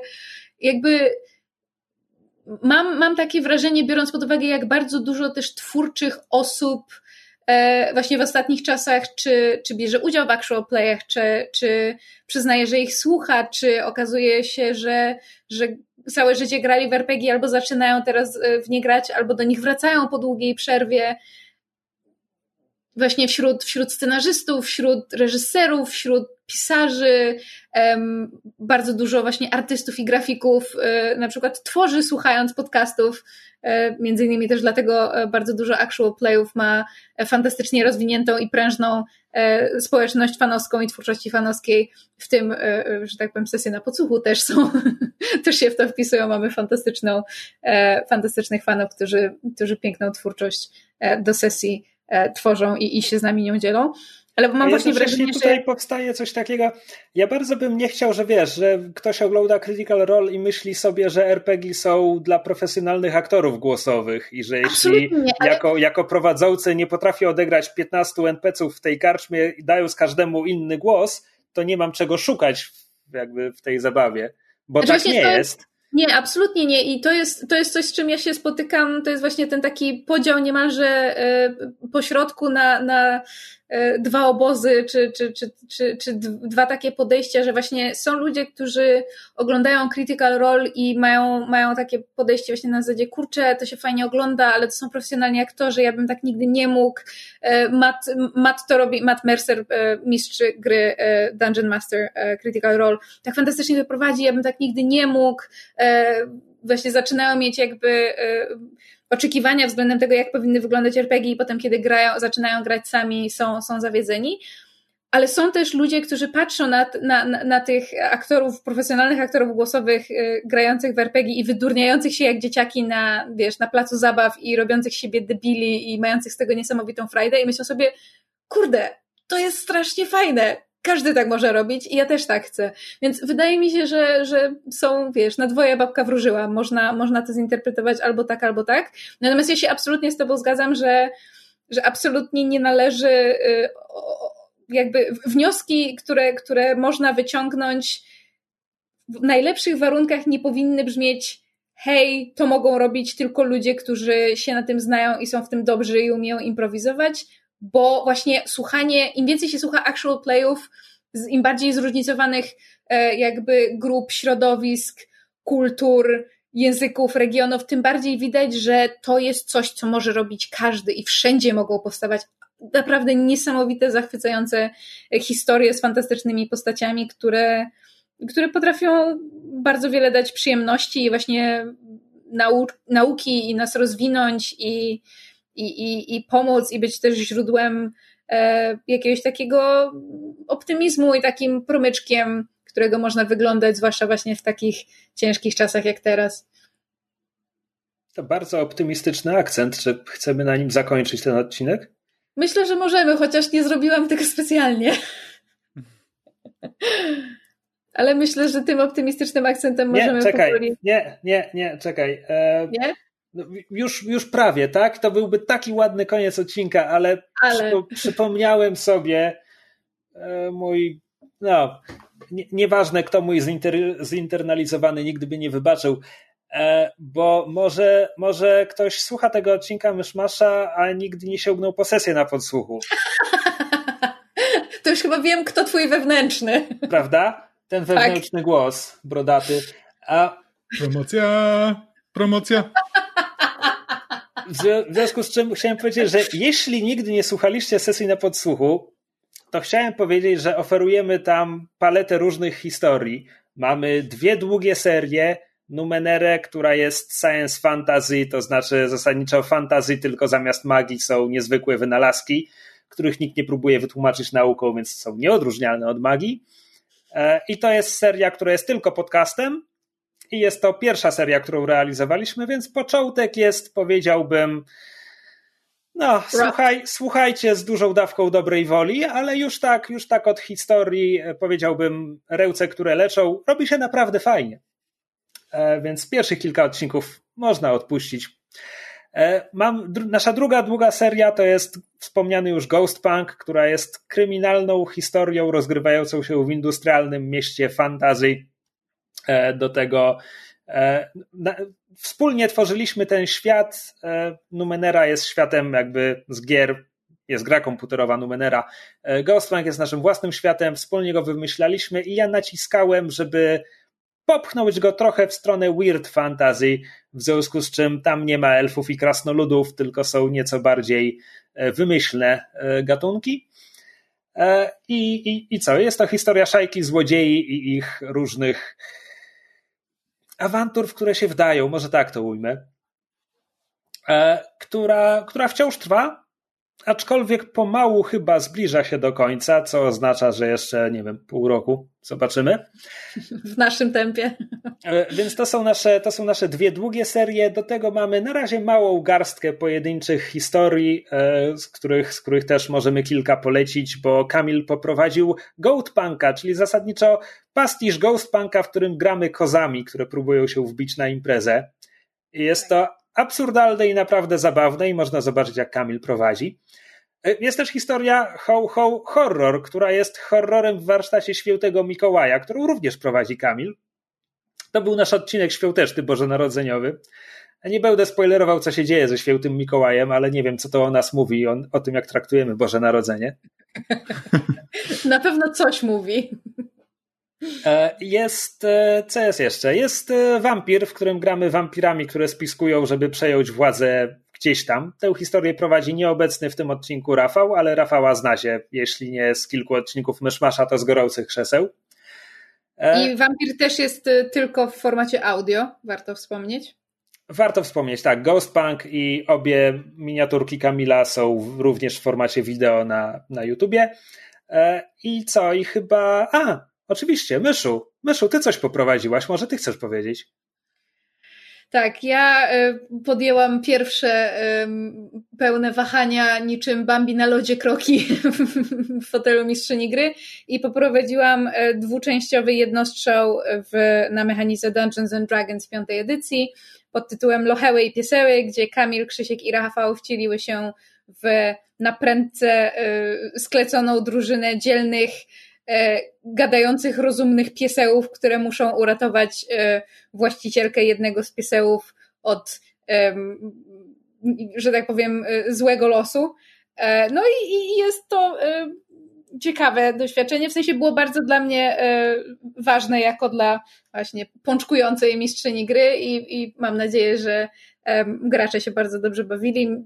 Sygnały i komentarze, które żeśmy otrzymali, były bardzo, bardzo miłe i bardzo podbudowujące, zwłaszcza biorąc pod uwagę, że e, jednym z naszych celów na, na Patronite, patronite.pl ukośnik sesję, e, gdzie bardzo e, uczynnie i, i z dobrego serca nas wspieracie finansowo, żebyśmy mogli tworzyć sesje i się dalej rozwijać. Jednym z naszych progów jest właśnie moje regularne prowadzenie kampanii w Dungeons and Dragons dla chłopaków E, I jestem pełna mieszanych, bardzo silnych uczuć, zarówno pozytywnych, jak i mniej e, w związku z tym, ale, ale za każdym razem, jak ten nasz licznik się zbliża bardziej do, do tego celu, to, e, to, to, to w nas już buzują różnego rodzaju pomysły i, i w pewnym sensie nie możemy się doczekać, aż będziemy mogli się za to zabrać. Więc jest, jest co pochłaniać, jeśli chodzi o sesję. No Może nie mamy na koniec, takiego na koniec chciałbym wrócić do siebie, jeśli mi pozwolicie na taką próżność.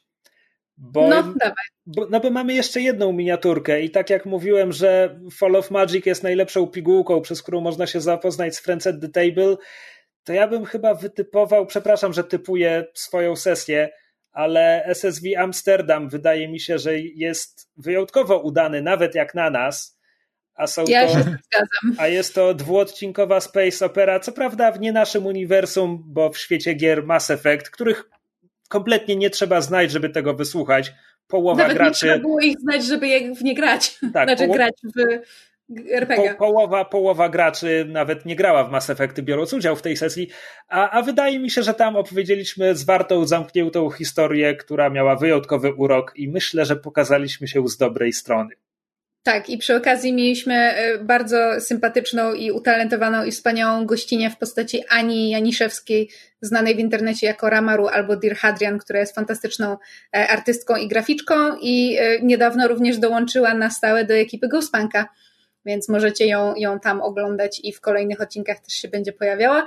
Jak być może wiecie, jeżeli śledzicie nasze social media i inne nasze różne treści, jesteśmy w trakcie cały czas rozwiązywania kwestii technicznych, nagrywania sesji w zaistniałej sytuacji społecznej izolacji.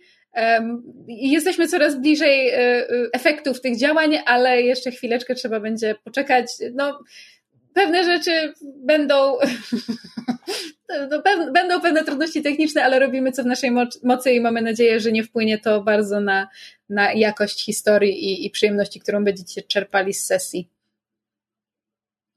Okej, okay, to jest już trochę mniej pozytywny akcent na zakończenie. Hmm. Może jednak nie, trzeba było przerwać wtedy. Bardzo, jest taki ja realistyczny. Ja w ramach pozytywnego, pozytywnego akcentu powiem, że jakby już nagraliśmy te sesji, te sesje yy, i są to być może jedne z najlepszych sesji, jakie nagraliśmy. Prawda, Więc, to jest akurat e, prawda. Tak, jakby kwestie techniczne są tutaj drugorzędne. Poza tym jakby prawdę mówiąc różnica w jakości jest pomijalna? Znaczy to prawie nie ma. Znaczy bardziej mi chodziło o, od, od kuchni jakby kwestię techniczną, montażu i... No jest no dobra, dobra, ale teraz, teraz ale... już jakby rozdmuchujemy kwestię czegoś, czego słuchacze nie mogą w tym momencie obejrzeć, więc koniec, tak, więc coś, już stay, stay tuned, czekajcie na nowy, nowy odcinek sesji. Tych, którzy nie, nie mieli przyjemności słuchać, bardzo gorąco zachęcamy, żeby spróbowali. E, jeżeli e, tak poczujecie w serduszku, e, że chcecie nas wesprzeć, to przypominam patronite.pl ukośnik sesję. Tam możecie nas wesprzeć groszem, żeby sesje się rozwijały. Ewentualnie, jeżeli chcecie nas wesprzeć inaczej, to możecie kupić sobie gadżety związane z podcastami podsłuchane.pl na stronie podsłuchane.pl ukośnik sklep. Tam są koszulki, kubeczki i torby z e, na przykład logo Myszmasza, albo gorących krzeseł, albo właśnie sesji, innych e, naszych różnych działań i twórczości internetowej. Zawsze też możecie podzielić się e, naszymi odcinkami, czy to sesji, czy to Myszmasza w internecie, przesłać komuś linka, kto, komu możecie to spodobać. Ogólnie wiecie, like, like, comment and subscribe, jak to mówią youtuberzy. Smash that like button. Tak, smash it! I to chyba tyle na dzisiaj. Czym my się staliśmy? No, tym, czym e, pisane nam było się stać, od kiedy zaczęliśmy nagrywać podcasty. I tym optymistycznym akcentem najwyraźniej. E, dziękujemy Wam bardzo za uwagę w tym e, nieco dłuższym odcinku Myszmasza, chyba żeby wynagrodzić poprzedni krótszy i, i tygodniową obsługę. Dziękujemy Wam bardzo za uwagę. Dziękuję chłopakom za, za przemiłą rozmowę na temat, który jest bardzo nam bliski i, i bardzo nas jara i pewnie jeszcze nie raz będziemy do niego wracać. E, jak zwykle czekamy na Wasze komentarze, pytania, sugestie pod tym odcinkiem na YouTubie. Możecie nam wysyłać maile na kontakt małpa.podsłuchane.pl albo różnego rodzaju inne adresy, które na stronie podsłuchane.pl są dostępne. Możecie nas ścigać w social media, jesteśmy na fejsie, na Twitterze, ja jestem na Instagramie. I to tyle. Dzięki za uwagę i do usłyszenia w następnym odcinku. Cześć! Do zobaczenia. Jakbyście mieli jakieś actual playe do polecenia, to dawajcie w komentarzach, bo ja teraz będę szukał czegoś nowego. Cześć!